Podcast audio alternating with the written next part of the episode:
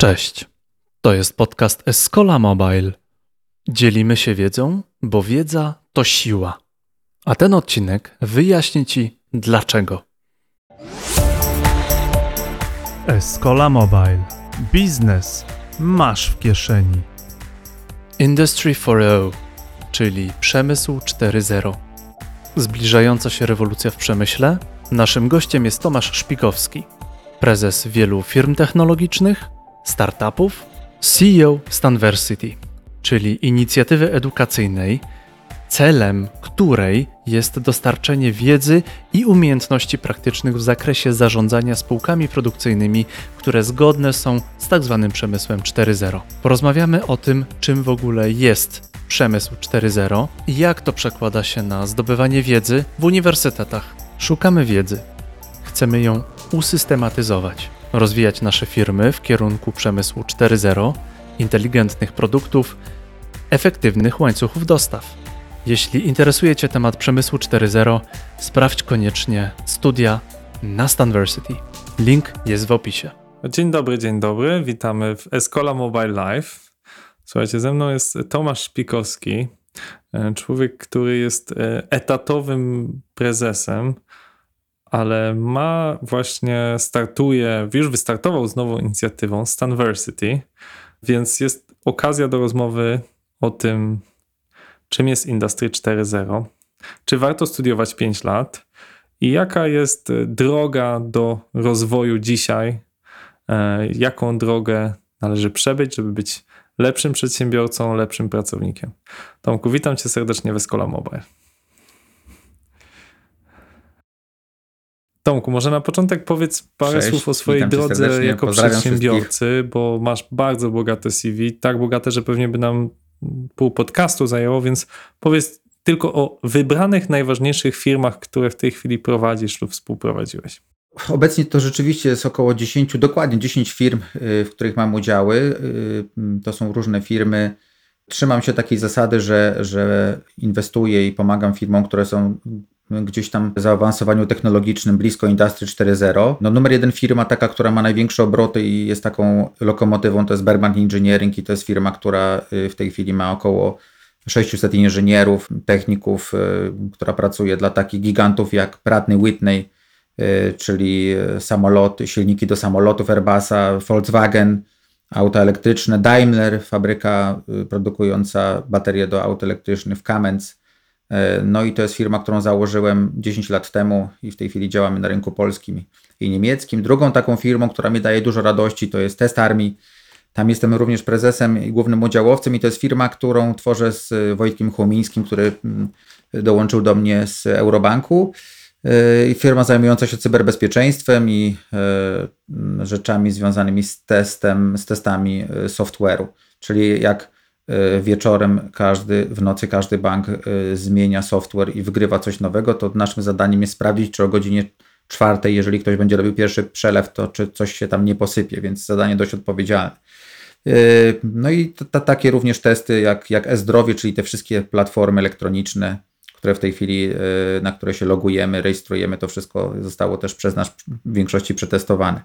Oprócz tego jeszcze takie firmy, które zajmują się technologią na przykład baterii i UPS-ów czy generatorów prądu, e, takie firmy, które też e, bezpośrednio zajmują się rzeczami związanymi z SAS-em, z analizą modeli SAS-owych na rynku międzynarodowym. Coś niezwykłego, jak można ustawiać i, i opomiarować wszystko, co jest w, w modelu SAS-owym. Po drodze jeszcze były takie startupy, które nam się nie udały, typu lepsza praca, można wejść zobaczyć, jak to próbowaliśmy, więc nie zawsze ta droga jest mm, taka usłana różami, czy, czy z sukcesem na końcu, czy Virtual Expo, gdzie robiliśmy targi pracy e, przez wideo, e, ale tutaj nie trafiliśmy z czasem, bo pewnie gdybyśmy robili to zaraz po pandemii czy rok przed pandemią, to dzisiaj bylibyśmy naprawdę dużym potentatem, ale wtedy nie było tak dużego rynku na to rzeczywiście, tak jak to działa, czy, czy jeszcze takie firmy, które się zajmują bezpośrednio no, edukacją, o której, o której dzisiaj będziemy też rozmawiali jako taki, taki nowy pomysł staram się mm, inwestować e, tam, gdzie jest nowa technologia i jest coś ciekawego, czyli coś, co może wzrosnąć, coś, co jest nowe na rynku, coś, co daje drive'a. Tomek Szpikowski ma takie doświadczenie i taką ilość firm w tej chwili w portfelu, że każda jedna byłaby pewnie interesująca, żeby ją przeanalizować w ramach tej audycji. Ale dzisiaj chcemy się skupić na tym najnowszym projekcie, e, e, który właśnie wiąże się z Industry 4.0 i także z Twoją personalną przygodą, jeśli mogę to powiedzieć, z personalnym doświadczeniem, czyli studiowałeś na Stanfordzie. Tak, to było marzenie od zawsze, które y, no, nie spełniło się w okresie moich studiów, czyli w momencie, kiedy miałem 20 lat i kończyłem technikum elektroniczne. Wtedy nie było tak łatwo wyjechać do Stanów. E, granice nadal istniały, my nie byliśmy w Unii, no i rzeczywiście był problem. E, marzenia te gdzieś tam próbowałem e, realizować e, w ubiegłym roku, no i dostałem się na taki program Stanford Executive Program. To jest program dla osób, które mają doświadczenie już e, zawodowe i, i coś w życiu zrobiły. No i, i, i miało to wyglądać w ten sposób, że mieliśmy tam 2,5 miesiąca mieszkać razem ze sobą, robić różnego rodzaju spotkania, zadania z profesorami. Niesamowita przygoda w Silicon Valley. Ale oczywiście przyszedł COVID i, i zadziało się tak, że ten program został przeniesiony do, do internetu i stał się programem online. No i tam przez również 2,5 miesiąca mieliśmy zajęcia, ale zupełnie zupełnie niestety online, czyli mieliśmy kontakt z ludźmi ze Stanów Zjednoczonych, Australii, dosłownie z całego świata, bo z Azji y, najwięcej było osób. No i rzeczywiście miałem okazję słuchać y, niesamowitych profesorów y, ze Stanfordu, którzy mówili generalnie o innowacji. Cały ten program, cały ten Stanford to jest dzisiaj walka o to, jak być innowacyjnym, jak zaprojektować swoją firmę w kierunku innowacji. Na bazie takich przykładów jak Google, jak Intel, jak Microsoft, niesamowity zastrzeg wiedzy. Oczywiście hmm, to nie jest tak, że Stanford jest idealny. Odkryłem też, że jest tam bardzo dużo teorii, to znaczy spośród około 40-50 profesorów czy, czy, czy speakerów, z którymi miałem okazję mieć zajęcia, mogę powiedzieć śmiało, że 90% to jednak są ludzie, którzy wykładają teorię, a, w dużej mniejszości są ci praktycy. Czyli jak ktoś myśli, że pojedzie na Stanford i spotka Ilona Maska albo spotka kogoś, kto jest E, prezesem dużej korporacji, on przyjdzie się podzieli wiedzą, to, to go mogę tutaj uprzedzić, że tak nie będzie, więc y, odkryłem plusy i minusy studiowania online na Stanfordzie, ale siedząc sobie i patrząc w, w ten ekran, stwierdziłem, e, przecież ja mogę zrobić e, taki sam program, nawet bardziej innowacyjny, bo w oparciu o większą liczbę ludzi, którzy są praktykami. Więc dlaczego tego nie zrobić? Jaka jest różnica między programem, który online y, słucham z Doliny Krzemowej, a tym, które mogę zrobić przy wykorzystaniu wiedzy i wykładowców z całego świata, bo przecież to jesteśmy ograniczeni tylko tym, co mamy w głowie i technologią, a technologia online, jesteśmy najlepszym tego przykładem i ty jesteś tutaj absolutnym liderem E, jak widzę, jak robisz te mm, spotkania, podcasty, no to działa, więc natychmiast zacząłem e, myśleć, w jaki sposób moglibyśmy zrobić takie same studia, tylko jeszcze lepsze. Jeszcze lepsze, dlatego że moim marzeniem było to, żeby słuchać e, prezesów, słuchać tych ludzi, którzy są COO, czyli szefami operacyjnymi dużych korporacji, i żeby to oni mi opowiedzieli o swojej przygodzie z Industry 4.0 czy z, o przygodzie z innowacyjnościami, z, z innowacyjnością. No i tak pojawił się projekt y, najnowszego startupu, projekt, który w tej chwili nam y, startuje, Stanversity. Podsumuję to, co powiedziałeś. Byłeś na studiach executive na Stanfordzie, które były robione online i były bardzo dobre. Miałeś świetnych wykładowców, świetny program. Rozumiem, że bardzo też ciekawą platformę i ciekawych ludzi, z którymi się spotkałeś, ale ty... Yy Wiele osób pewnie powiedziało, o szkoda, że nie udało się wyjechać do Doliny Krzemowej. Ty stwierdzasz w swojej przedsiębiorczej głowie, hmm, ale to dałoby się zrobić jeszcze lepiej niż na Stanfordzie. Czy dobrze to zrozumiałem? Dokładnie, dlatego że jeśli Stanford y, ma najlepszych ludzi z obszaru innowacyjności i zarządzania, y, czy kultury organizacyjnej, to jakby w innych obszarach związanych y, z naszym życiem nie wiem, na przykład zarządzania zmianą, czy zarządzania ryzykiem, czy negocjacjami, już takich ludzi niekoniecznie ma z, z czołówki światowej. Więc w tym programie powiedziałbym, że 20% kontentu to jest naprawdę numer jeden na świecie.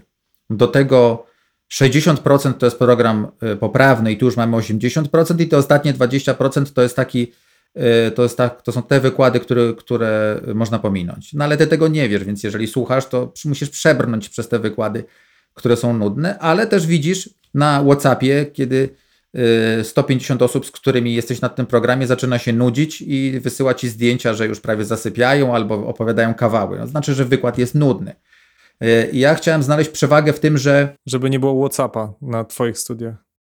Wiesz co, niech będzie, ale niech będzie, niech wykład będzie na tyle pasjonujący i porywający, żeby ci ludzie na tego WhatsAppa po prostu nie patrzyli. Więc ja chciałem ściągnąć ludzi, którzy nie są teoretykami, ale są w większości praktykami. Czyli jak do mnie będzie mówił prezes Daimlera, albo będzie mówił szef Hugo Bossa, albo gościu z Google'a, to ja wiem, że on pracuje w tej organizacji i mówi do mnie praktyk. I mimo tego, że ten profesor ze Stanfordu naprawdę jest bardzo dobry, to ten, który przeszedł tą drogę, popełnił błędy, wtopił ileś pieniędzy, a może gdzieś mu się nawet coś udało, no jest ciekawszą dla mnie osobą niż ten, ten teoretyk. Tu cię przytrzymam, bo powiedziałeś tak, Hugo Boss, Daimler, Google to jakby są faktyczne przykłady, czy kto stworzył ten program i właśnie w oparciu o co kierowaliście się, żeby to było naprawdę świetne? Już podczas tego programu padła mi do głowy myśl, dlaczego nie ma żadnego programu executive na polskiej uczelni. No i zacząłem kombinować i myśleć. Opowiedziałem o tym y, rektorom y, Uniwersytetu Ekonomiczne, Ekonomicznego, Bartkowi y, Nicie i Magnificencji Andrzejowi Kalecie. No i oni mówią, a wiesz co, popracuj na tym, zrób content i zobaczymy. Nie mówimy nie.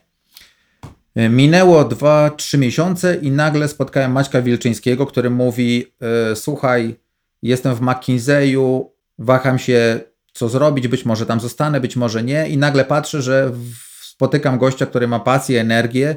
Opowiedziałem mu o tym projekcie i mówię: Potrzebuję kogoś, kto zorganizuje całość, y, zrobi mi networking, zaprosi profesorów, zrobi z tego produkt. No i Maciek się zgodził, rzucił y, pracę w McKinsey'u i po prostu mi to wszystko poskładał, czyli y, ja zaproponowałem swoich profesorów, których trochę po świecie mam rozsianych, których trochę poznałem wcześniej, na przykład szef kampusu, profesor Huang, który jest szefem kampusu na Seoul National University, największego kampusu Industry 4.0 w Azji, 700 hektarów powierzchni, hyperloopy, drony, wszystko co można sobie wymyśleć i go zaprosiłem. No i, i do tego jeszcze paru innych profesorów z takich uczelni jak z MIT, których już Maciek y, gdzieś tam zaczepił. Do tego jeszcze ci praktycy, czyli ludzie z Daimlera, Google'a, z którymi na co dzień gdzieś tam się zetknąłem i, i, i pracowałem. I tak udało nam się złożyć wspólnie program, który no, rusza w tym miesiącu, bo, bo ruszamy z, z tym projektem 29 maja. Mamy już skompletowaną y, kohortę zespół, 30 studentów, no i, i z, tym, z tym chcemy ruszyć i, i, i mówię wprost, y, ruszymy. Pierwszy program executive na polskiej uczelni y, po prostu odpala. To jest coś, co, co się chyba bardzo zmieniło w pandemii, tak? Czy trudno jest zrekrutować w tej chwili profesorów, no takich, y, mówię profesorów ze starego przyzwyczajenia, ale tak naprawdę to są, tak, prezesi, byli prezesi y, i co ważne, co, co, co warto podkreślić, ludzie, którzy nie tylko odnieśli sukcesy, ale podobnie jak ty wspomniałeś na wstępie, też czasami podwinęła im się noga i mogą powiedzieć, słuchajcie, no fajnie, że w książkach to wygląda tak i tak, ale jeśli ale tu i tu zrobiłem błędy, teraz to widzę, nie róbcie tego tak jak ja. To wydaje mi się coś, co praktykowi łatwiej jest powiedzieć niż teoretykowi. Na pewno tak i to jest przewaga tego programu, że to są ludzie, którzy są z biznesu. E, powiedziałbym w 50%. Oczywiście w 50% to są profesorowie z takich uczelni jak MIT, ale w 50% to są ludzie, którzy rzeczywiście wprowadzali u siebie prawdziwe Industry 4.0 i popełniali błędy i przez tą ścieżkę przeszli. Co najważniejsze, to są praktycy, którzy są z całego świata, czyli możesz popatrzeć na spojrzenia z danych obszarów, czy to azjatyckie podejście, czy e, amerykańskie podejście, czy niemieckie podejście.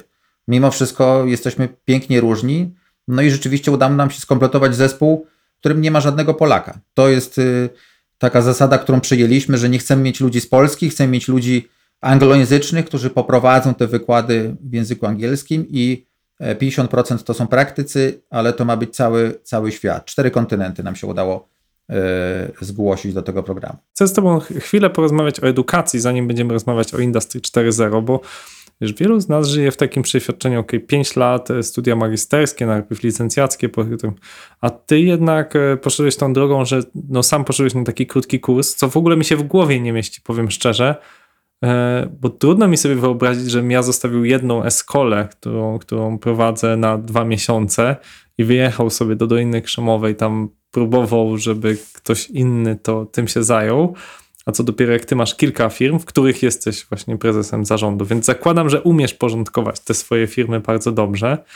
I chciałem zapytać, czy, czy Twoim zdaniem to może się w tą stronę pójść, że no właśnie, będą jakieś te nano degrees, że będzie więcej edukacji takiej podzielonej na, nie wiem, trzymiesięczne, pięciomiesięczne kursy, które będą bardzo intensywne, potem znowu idziemy na jakiś czas do pracy, trzy miesiące, nie wiem, studiujemy, czy można to tak nazwać? Jak ty to widzisz? Czy to będzie w trakcie pracy? Jak patrzę na te, na to, na te nasze pięcioletnie programy na naszych uczelniach, na te programy magisterskie, no to, to, to słuchaj, to jest tak w oderwaniu od rzeczywistości ta, ten biznes i technologia tak pędzi, że te uczelnie nie nadążają. To znaczy, dzisiaj na uczelni nie jesteś w stanie dostać wykształcenia, które jest rzeczywiście na czasie, bo to jest niemożliwe. Na czasie mówię w kontekście tego y, takich projektów jak y, autonomiczne samochody, czy najnowsze y, trendy w cyberbezpieczeństwie, czy blockchainy, czy chmury. Ta uczelnia nie nadąży. Powiem Ci jeszcze więcej. Praktycznie żadna uczelnia na świecie, może poza amerykańskimi, które mają wielkie budżety i siedzą tam w środku już firmy, które sponsorują te uczelnie i mają tam swoich pracowników i pracownik naukowy, to jest Stanfordu to może być pracownik Google'a, to żadne uczelnie na świecie nie nadążą y, za tą, tym, tym pędem technologii.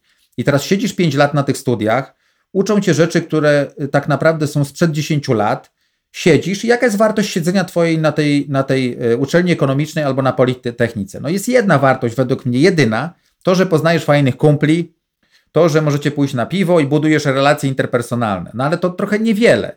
Więc y, gdybym ja dzisiaj to mógł przemodelować, to powiedziałbym, dwa lata y, to jest te przypomnienie tej ekonomii, sposób zarządzania, sposobu zarządzania, czy tych podstaw, a pozostałe dwa, trzy lata to jest praca już y, pod konkretne zamówienie z przemysłu, czy pod konkretny projekt, czy to Volkswagena, czy to Daimlera, dlatego że dzisiaj przy tej transformacji całościowej niemieckiego przemysłu w stronę elektromobility, to wszystko się opiera na współpracy Daimlera czy, czy Volkswagena właśnie z takimi firmami jak Google czy Microsoft. Czyli oni mają swoje własne klasy, gdzie Google, Microsoft uczy tych ludzi, którzy już skończyli studia na nowo, co to jest rewolucja y, y, e-mobility. I teraz wracając do tego, jak powinien ten model wyglądać. My się nigdy nie przestaniemy uczyć, dlatego że ta rewolucja przyszła do nas i ona jest od 3-4 lat, a my już dzisiaj mówimy, że uniwersytety są kompletnie niegotowe.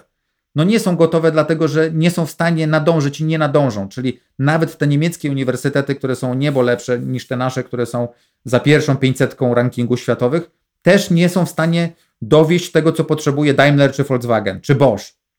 Dlatego te firmy wchodzą na te uniwersytety i mówią: Dobra, to my bierzemy po dwóch, trzech latach tych studentów, robimy klasy patronackie i my wam wprost powiemy, co wy będziecie robili za 2-3 lata w zakresie y, aut autonomicznych. No i dlatego uważam, że to jedną z drogą dla tych uniwersytetów jest to, że te klasy powinny już być z brandem po drugim, trzecim roku. Po drugim roku, na trzecim roku jesteś Google Class i masz autonomiczne samochody. Jesteś Daimler Class i masz technologię baterii elektrycznych, albo jesteś Cyber Security z Izraela firmą, która tworzy już ludzi, którzy będą się tym zajmowali, czy blockchainy, czy inne rzeczy. A te kursy, które w tej chwili się dzieją i ten trend, który, który robi między innymi taki gość e, Scott Galloway, który zebrał 70 milionów dolarów na to, żeby odpalić takie kursy speed, czyli kursy czasami dwutygodniowe, czasami dwumiesięczne, trzymiesięczne, nie dłuższe. To jest najnowszy trend, który daje ci zastrzyk wiedzy po to, żebyś zmienił swoją ścieżkę kariery, po to, żebyś odczepił się od tego, co robisz, zobaczył, czy ci to pasuje i poszedł do takiej firmy, czy do takiej klasy, która już daje ci dwa semestry i powiedział, dobra, to ja chcę się czegoś nauczyć z obszaru Industry 4.0 albo z obszaru blockchaina, czy z obszaru big data. Więc to, e, co się dzieje w tej chwili w obszarze tych krótkich setów nauk online, to jest najnowszy trend i polecam artykuły na TechCrunch, gdzie coraz więcej tych projektów dostaje finansowania. I te uniwersytety nasze za moment będą musiały kształcić tak zwane krótkie sety, ale takie bardzo treściwe, bo te, bo te 5 lat po prostu no to, to jest strata czasu. Czy to będą robiły uniwersytety, bo ty tak wszystko mówisz, jakby to te uniwersytety y, zarządzały edukacją, natomiast trzeba pamiętać, że to się bardzo zmienia. W tej chwili masz owszem pewien taki przywilej, że licencjat dobrze mieć, czy też tytuł inżyniera. Magisterka coraz częściej robi się takim miłym dodatkiem albo czymś, co robimy dodatkowo. Znaczy na zachodzie, na, przede wszystkim w krajach anglosaskich, w Stanach to, to jest powszechne, że magisterka to już jest coś, co naprawdę nie wszyscy robią. Mm, więc pytanie może, które warto sobie zadać, czy skoro te dofinansowania dostają, to nie dostają tego uniwersytety, tak? To są prywatne firmy, które robią te masterklasy, to są mikrokursy jakieś te, które robią Udemy, e, które, które robią różne takie kursiki, malutkie, krótkie, które mogą trwać kilka miesięcy, nawet kilka tygodni. Widzę, że w Polsce to też jest potężny, rosnący rynek, rynek e, Bartek Ferenc zainwestował w kursy.pl, jest e, Akademia Mirka Brunejko. Jest trochę takich kursów, jakby mi trudno ocenić ich jakość. Pewnie to w zależności, w zależności jest od, od, od potrzeb. Jest bardzo dużo platform e-learningowych, takich e, kreatorów typu Web2Learn, MyVOD. I pytanie, czy to nie będzie szło w tę stronę?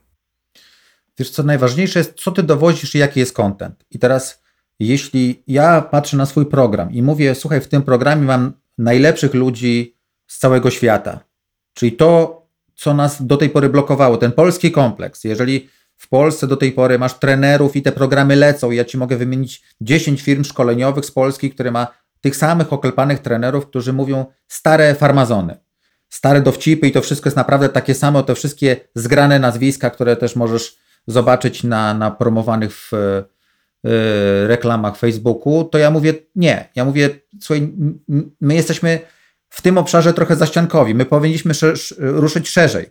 Czyli nas jest dzisiaj stać na to, żebyśmy wysłali pracownika albo żebym ja sobie opłacił takie studia i rozmawiał z ludźmi, którzy są z czołówki światowej. Czyli z czołówki yy, na przykład Hugo Bossa, szefa fabryki, który przeprowadził transformację Industry 4.0 jest dzisiaj poza firmą chce się podzielić, jak to zrobił do tej pory, jest praktykiem. Ja Cię zapraszam na wykłady wykładowców z Ameryki Południowej, którzy są doradcami dużych korporacji amerykańskich w Ameryce Południowej, gdzie masz wielką różnicę kulturową między tym, co się dzieje na południu e, Ameryki i tym, co się dzieje na północy. Ja Cię zapraszam na wykłady i na myślenie o Industry 4.0 po azjatycku, żebyś zobaczył, w jakim kierunku e, idzie Samsung, w jakim kierunku idzie LG i czym to się różni od tego, co, co mamy w tej chwili w kraju. I też Posłuchaj, co mają do powiedzenia Niemcy. I teraz, jeżeli ty jesteś w stanie zapłacić za ten program, który mamy, nie wiem, 15 tysięcy złotych, 18 tysięcy złotych, ale siedzisz i masz dwa semestry topowego programu, to ja ci mówię, to nie płać 10 tysięcy czy 12 za studia podyplomowe na państwowej uczelni, bo dostaniesz nic. Znaczy, dostaniesz tych ludzi, którzy naprawdę są cieńcy w tym, co robią. Mimo tego, że są profesorami, mam do nich szacunek doktorami, ale oni są we własnym sosie. Ja nie wiem, czy oni są w stanie wypłynąć tak szeroko, jak, jak my byśmy chcieli i zebrać tą wiedzę i pokazać. Bo my w Polsce niestety no, jesteśmy krajem, który nie ma w sobie tego genu innowacji. My nie mamy ludzi, którzy dostają nagrody e, za tą innowację i za to, że to wprowadzili. Więc ja mówię, jak chcesz grać, to graj w pierwszej lidze. Zapłać 30-50% więcej, bo cię na to stać, ale zagraj w pierwszej lidze. No właśnie, no, Polska mówi się, że jest montownią Europy, tak, a przynajmniej montownią Niemiec. Tak, no jak się pojedzie w okolice e, Poznania, tam września, czy okolice, to widać, że tam po prostu fabryka na fabryce e, na Dolnym Śląsku specjalna strefa ekonomiczna tam pod, pod, Wałbrzy, pod Wałbrzychem, ale, ale też nie tylko, bo w ulicach Mietkowa. No tego jest sporo. Jak, jak, jak przyjeżdżam tam e, jeżdżąc e, czy rowerem, czy, czy na jakieś konferencje, no to widać, że tych fabryk tam jest ogromna ilość. Już nie mówię teraz, że centrum Amazona pod Wrocławiem, który chyba jest największą halą te, tego typu. No więc czy, czy my jesteśmy po prostu Tutaj ulokowane są te centra, bo po prostu mamy tanią siłę roboczą i, i, i, i z tą smutną prawdą musimy się pogodzić, a ten inżynier przyjeżdża dalej w 2021 z Niemiec, czy jak w przypadku Amazona z, ze Stanów, czy mamy już swoje kadry już po tylu latach tych montowni, montowania tych foteli w Volkswagenach, mamy już swoich ekspertów, którzy też mają wiedzę e, albo tworzą też swoje rozwiązania. Jak ty to oceniasz? Ja bym powiedział tak, że niezależnie czy to jest fabryka niemiecka, amerykańska, to pytanie, na ile my jesteśmy w stanie swoimi pomysłami zasilić y, tą fabrykę albo otworzyć swój własny biznes i być na tyle kreatywnym, żeby wymyślić produkt, który będzie przez te duże koncerny kupiony i używany. Po tych studiach ze Stanfordu wiem jedno, że my nie mamy w sobie genu innowacyjności, jesteśmy trochę zaściankowi mentalnie, bo uważamy, że nie jesteśmy w stanie wymyślić czegoś niesamowitego do momentu, kiedy nie pojedziemy do Stanów i tam się przekonujemy, że ludzie z całego świata, którzy mają łeb na karku, robią kariery.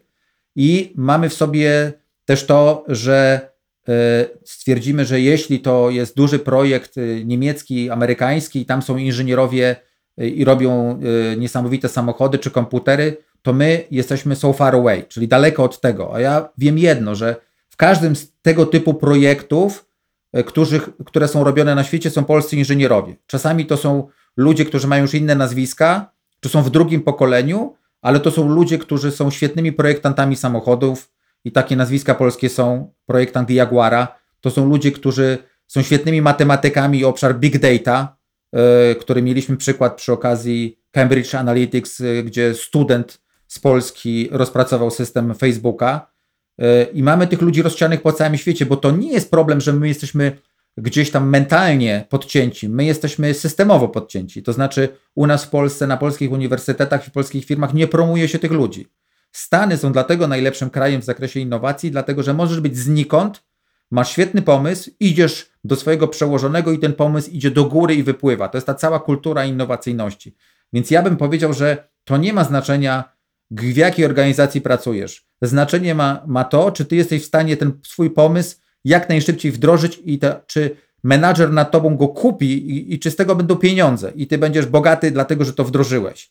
I ta kultura tu nie funkcjonuje. Ta kultura funkcjonuje w Google.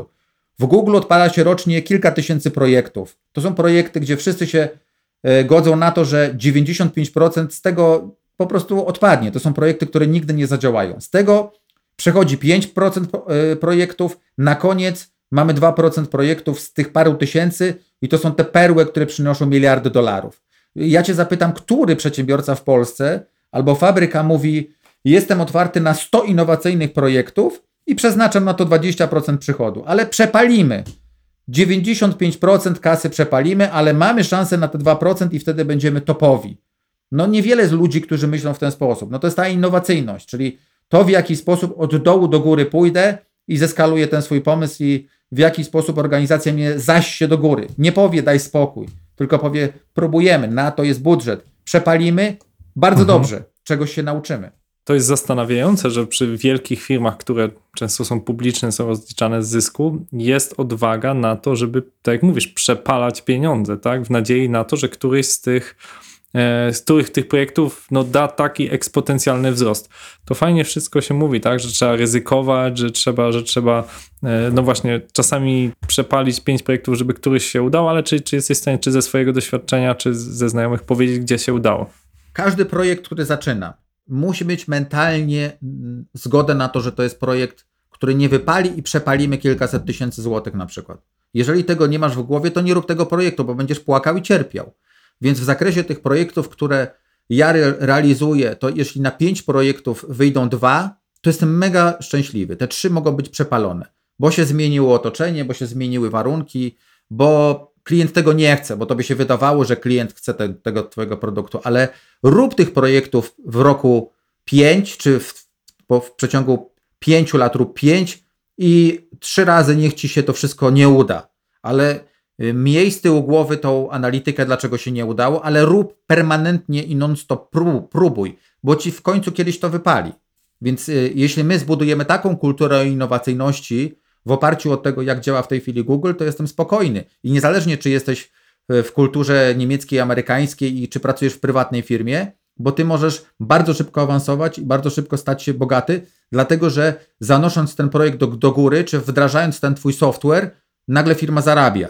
I tam naprawdę ten cały proces jest otwarty do samego spodu, czyli jeżeli nawet jesteś zaraz po studiach i masz świetny projekt, żeby zrobić jakiś obszar cyberbezpieczeństwa, czy jesteś super programistą, jesteś talentem, to do, od razu dostajesz dwa, trzy razy więcej pieniędzy na starcie. Był taki eksperyment robiony w zakresie kodowania. Najszybsi ludzie, którzy kodowali, kodowali niektóre rzeczy po 5-10krotnie Y, szybciej niż ci pozostali. Czyli dlaczego, jeżeli ktoś ci robotę robi szybciej razy 5, nie dać mu pensji razy 3? Albo ty masz talenty, czyli, czyli tutaj jest kwestia tego, że zaczynasz zarządzać talentami i tym talentom w obszarze IT w obszarze biznesu musisz płacić, bo w tej chwili generalnie to wszystko jest wyścig, wyścig jeden wielki o talenty. Czyli jeżeli masz tych ludzi, którzy są topowi, czyli są ludźmi, którzy mają łeb na karku, czyli tak jak ty mówisz, ja mam gdzieś tam w tych spółkach Rafała Trzaskę, Maćka Wilczyńskiego czy Wojtka Chomińskiego, ludzi, którzy operacyjnie obrabiają, ja wymyślam, ale oni to pilnują, czyli mają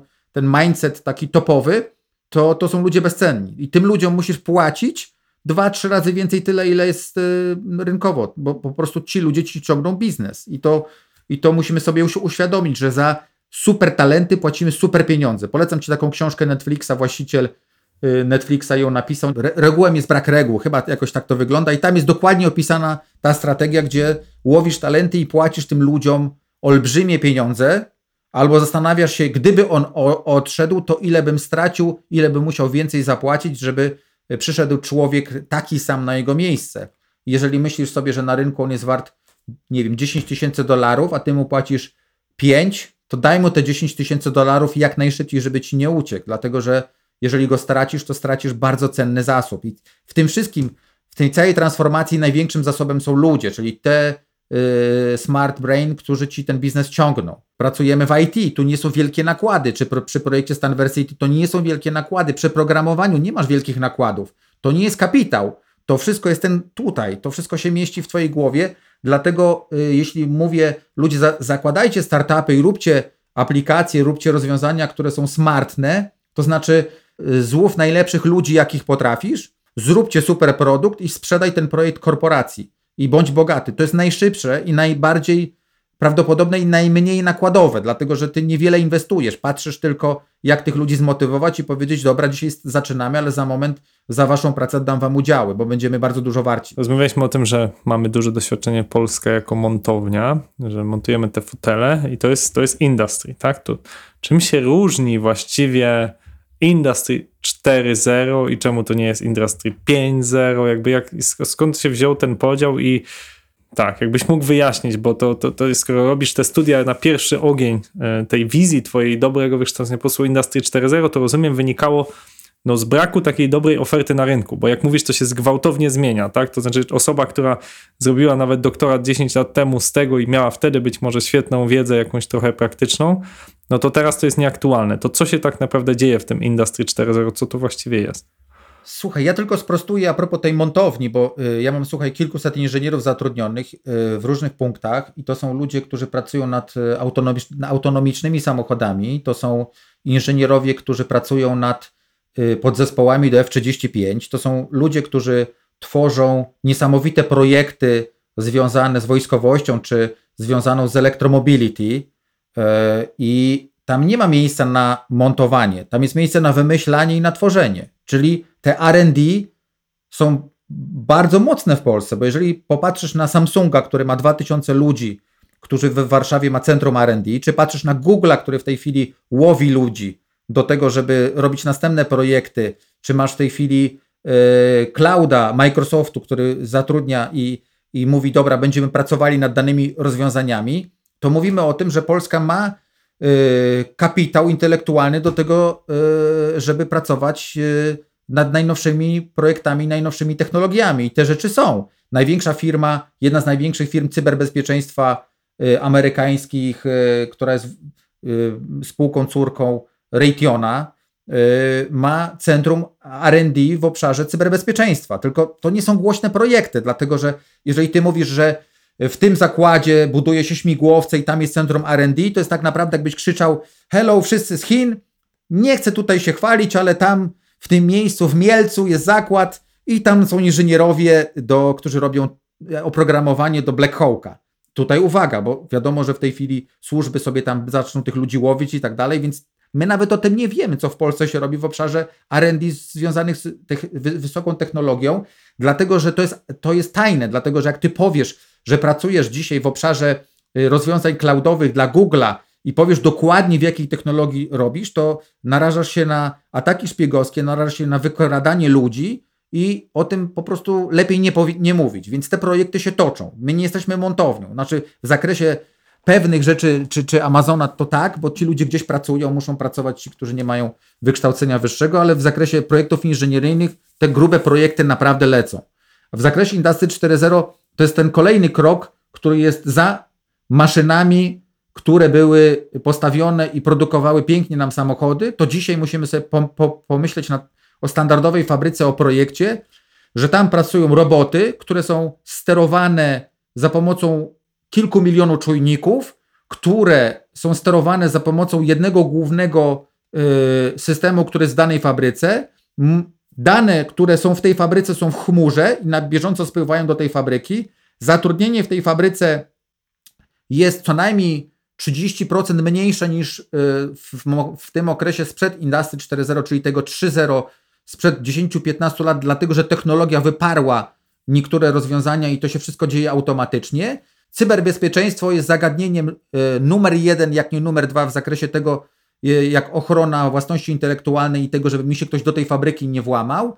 Oraz to, że bez przerwy pracuję nad tym, żeby nowe rozwiązania, które są yy, analizowane, spowodowały przyspieszenie, zeskalowanie tego biznesu, ale nie w oparciu o ilość ludzi, yy, czy o ilość yy, rozwiązań, które są w oparciu więcej będę miał jednostek na produkcji, to więcej wyprodukuję, każdych jednostek czy zasobów, tylko w oparciu tego, jak mniejszymi zasobami mogę zrobić jeszcze coś bardziej y, smartnie, szybciej i w oparciu o y, analizę danych, y, big data, o machine learning, o to, co jest artificial intelligence. I to jest ta Industry 4.0, czyli ja inteligentnie zbieram te dane, analizuję i jestem w stanie zaoferować wartość dodaną użytkownikowi, który korzysta z moich produktów, czyli powiem mu, yy, mówiąc wprost, że lat 10 temu dałem ci tylko telefon komórkowy i mogłeś dzwonić, a dzisiaj daję ci telefon komórkowy i w nim masz cały świat, masz milion aplikacji. To jest ten przeskok między Industry 3.0 a Industry 4.0, czyli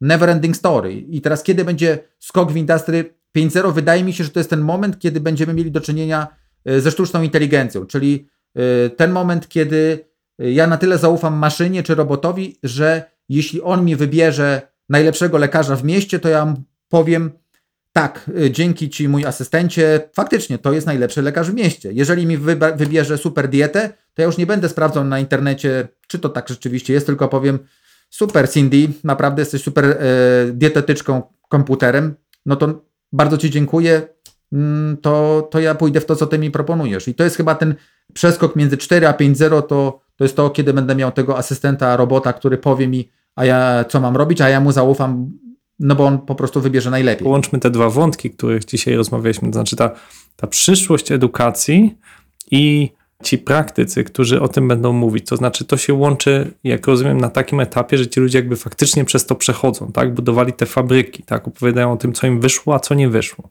Tak, bo powiem ci, że na koniec, y, jak patrzysz na to wszystko, to yy, szukasz talentów, o tym mówiliśmy. Szukasz kultury innowacji, o tym mówiliśmy.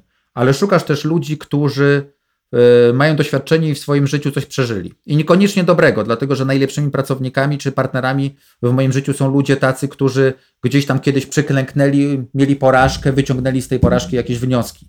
To jest niesamowite cenne, że ci ludzie, którzy są poturbowani, najczęściej y, mają swoją y, pokorę do życia i z nimi mi się bardzo dobrze pracuje. I ci ludzie, którzy są praktykami, jeszcze takimi, którymi nie wszystko się udało, ale oni patrzą z perspektywy swoich lat i mogą się tym podzielić z tobą i powiedzieć: Robiłem to, to mi wyszło, to mi nie wyszło, to to jest najtańsza lekcja, którą my możemy dostać z takiego programu. Albo to, jeżeli ja coś wdrażam jako szef produkcji w ramach tego programu, ale mogę wykonać telefon do gościa w Stanach Zjednoczonych i zapytać: Profesorze, mam taki dylemat. Chciałbym Cię o coś zapytać, on powie, wiesz co, robiłem albo dam Ci numer do mojego kolegi na świecie i jego zapytaj, bo on jest specjalistą w, w Twoim obszarze, w obszarze na przykład y, motoryzacyjnym, czy w obszarze budowania samolotów, bo taką mamy też dużą grupę osób z firmy lotniczej. Więc jeśli ja mogę zaoferować takie, y, taki case study konkretny, y, branżowy, no to nie dość, że ci ludzie są z pierwszej ligi światowej i do tego jeszcze mogę opowiedzieć o ich historii, a do tego jeszcze mam networking na poziomie światowym, czyli de facto mam tak naprawdę przez taki kurs yy, bardzo łatwy dostęp do tego, kto może mi powiedzieć, yy, to jest dobre, to jest złe, a tutaj możemy wspólnie popracować i to jest zrobione naprawdę niskim kosztem, na, naprawdę niskim nakładem y, i to oferujemy naszym słuchaczom, czyli cały świat, konkret, konkretny case study, ludzie, którzy powiedzą, jak to zrobić, a jeśli nie, to dadzą ci wskazanie, gdzie są ci ludzie, którzy ci poradzą. I to jest y, docelowo moje marzenie, żeby mieć taki klub ludzi za lat 5 czy 10, gdzie przyjdziesz i będziesz szefem korporacji albo coś będziemy razem tworzyli, to ty mnie zapytasz, słuchaj, a w zakresie tego i tego, to kto jest najlepszy na świecie? A ja ci powiem, wiesz co, może on nie jest najlepszy, ale z pierwszej trójki jest ten, ten i ten, e, weź do niego zadzwoń i dotrzesz do tego gościa, który da ci przewagę, bo albo grasz w pierwszej lidze i robisz coś globalnego i, i robisz coś, co jest naprawdę najlepsze, albo po prostu będziesz się kisił w tym takim środkowoeuropejskim e, kraju, czy, czy, czy, czy tutaj tym regionie i, i nie wypłyniesz tak naprawdę na ten pas startowy, który da ci boosta e, globalnego. A jak mówisz o, o globalnych planach i o swoich e, tutaj ambicjach grania w pierwszej lidze, to ja domyślam się, czytam między wierszami, że no, studia z Industry 4.0 to jeszcze nie jest koniec projektu Stanversity. Czy jeszcze będą inne kierunki, tak, kursy? Przenieśmy się 5 lat do przodu i ja Ci powiem, jak ja to widzę. Ja widzę, że mamy kilka programów, które trwają dwa semestry. To są długie programy dotyczące Industry 4.0, dotyczące leadershipu, innowacyjności i znowu gramy w pierwszej lidze z najlepszymi na świecie. Mamy kilkadziesiąt programów krótkich setów, które dotyczą doszkolania w obszarze blockchain, cyberbezpieczeństwo, big data, artificial intelligence itd., tak itd.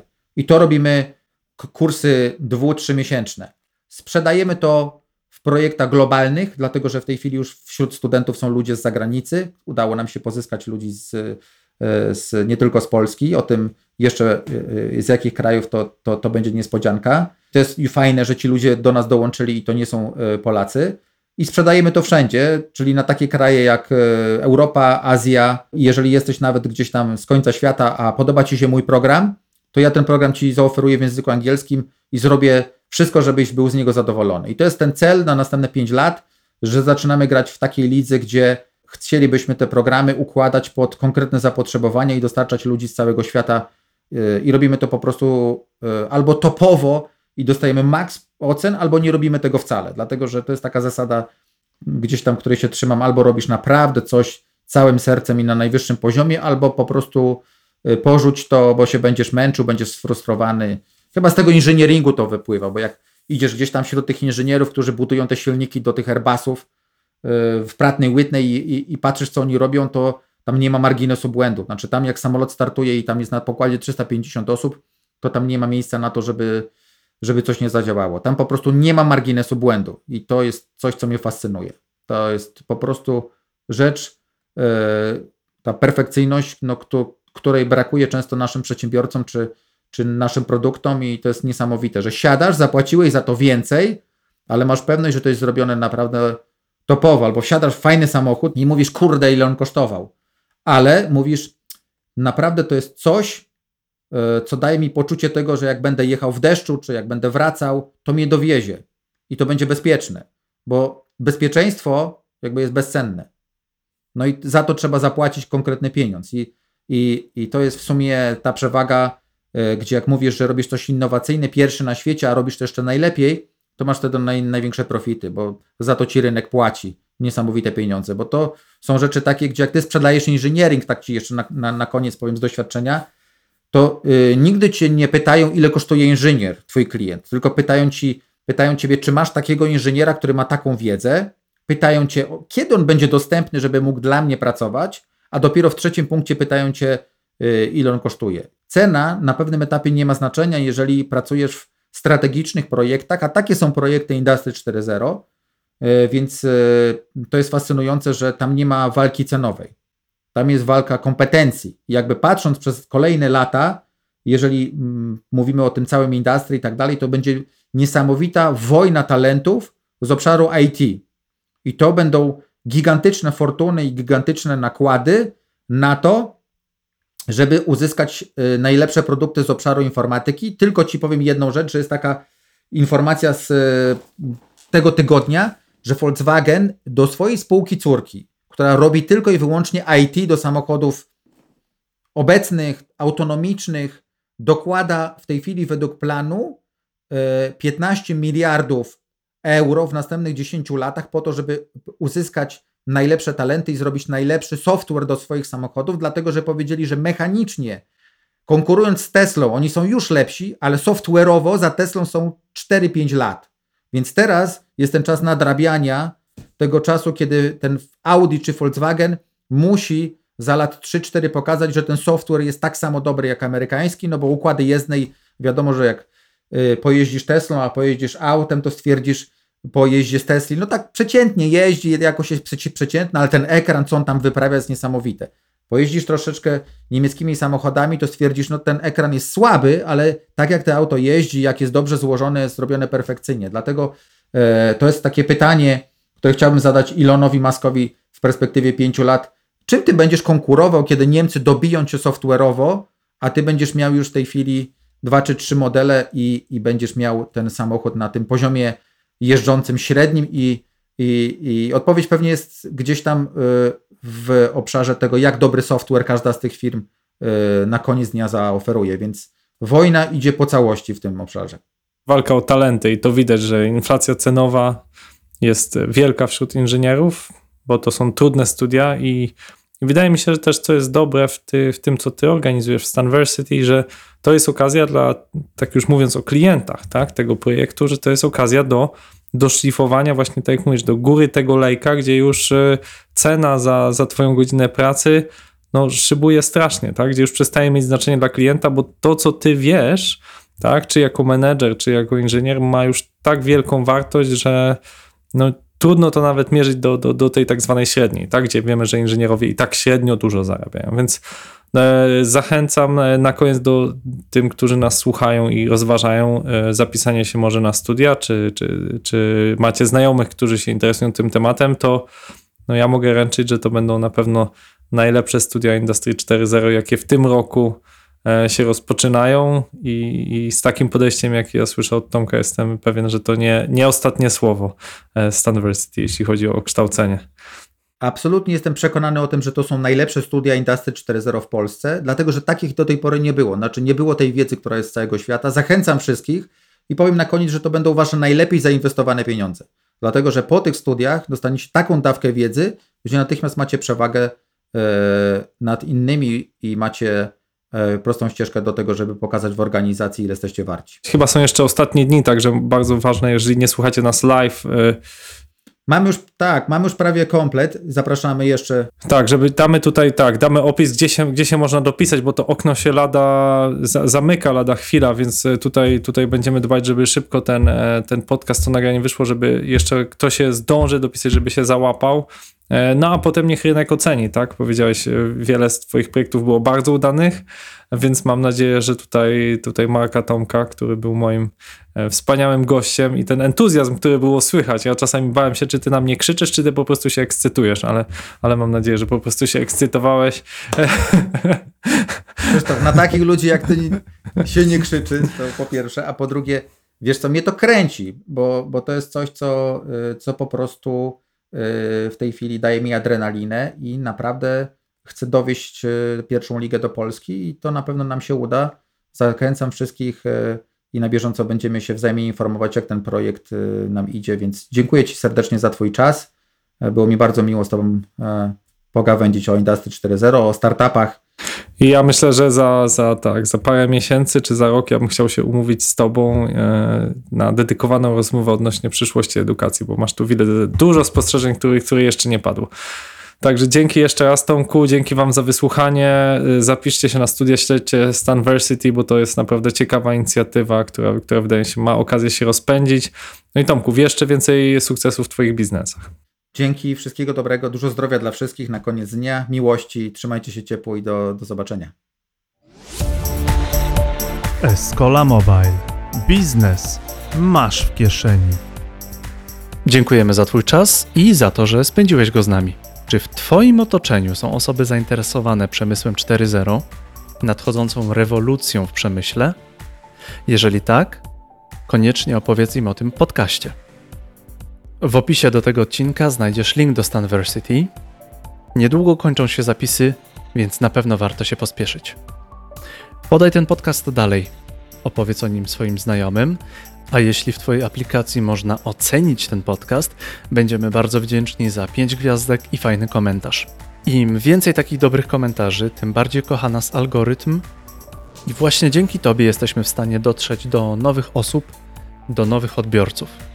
To był 70. odcinek podcastu Escola Mobile. Gościliśmy Tomasza Szpikowskiego, CEO Stanversity.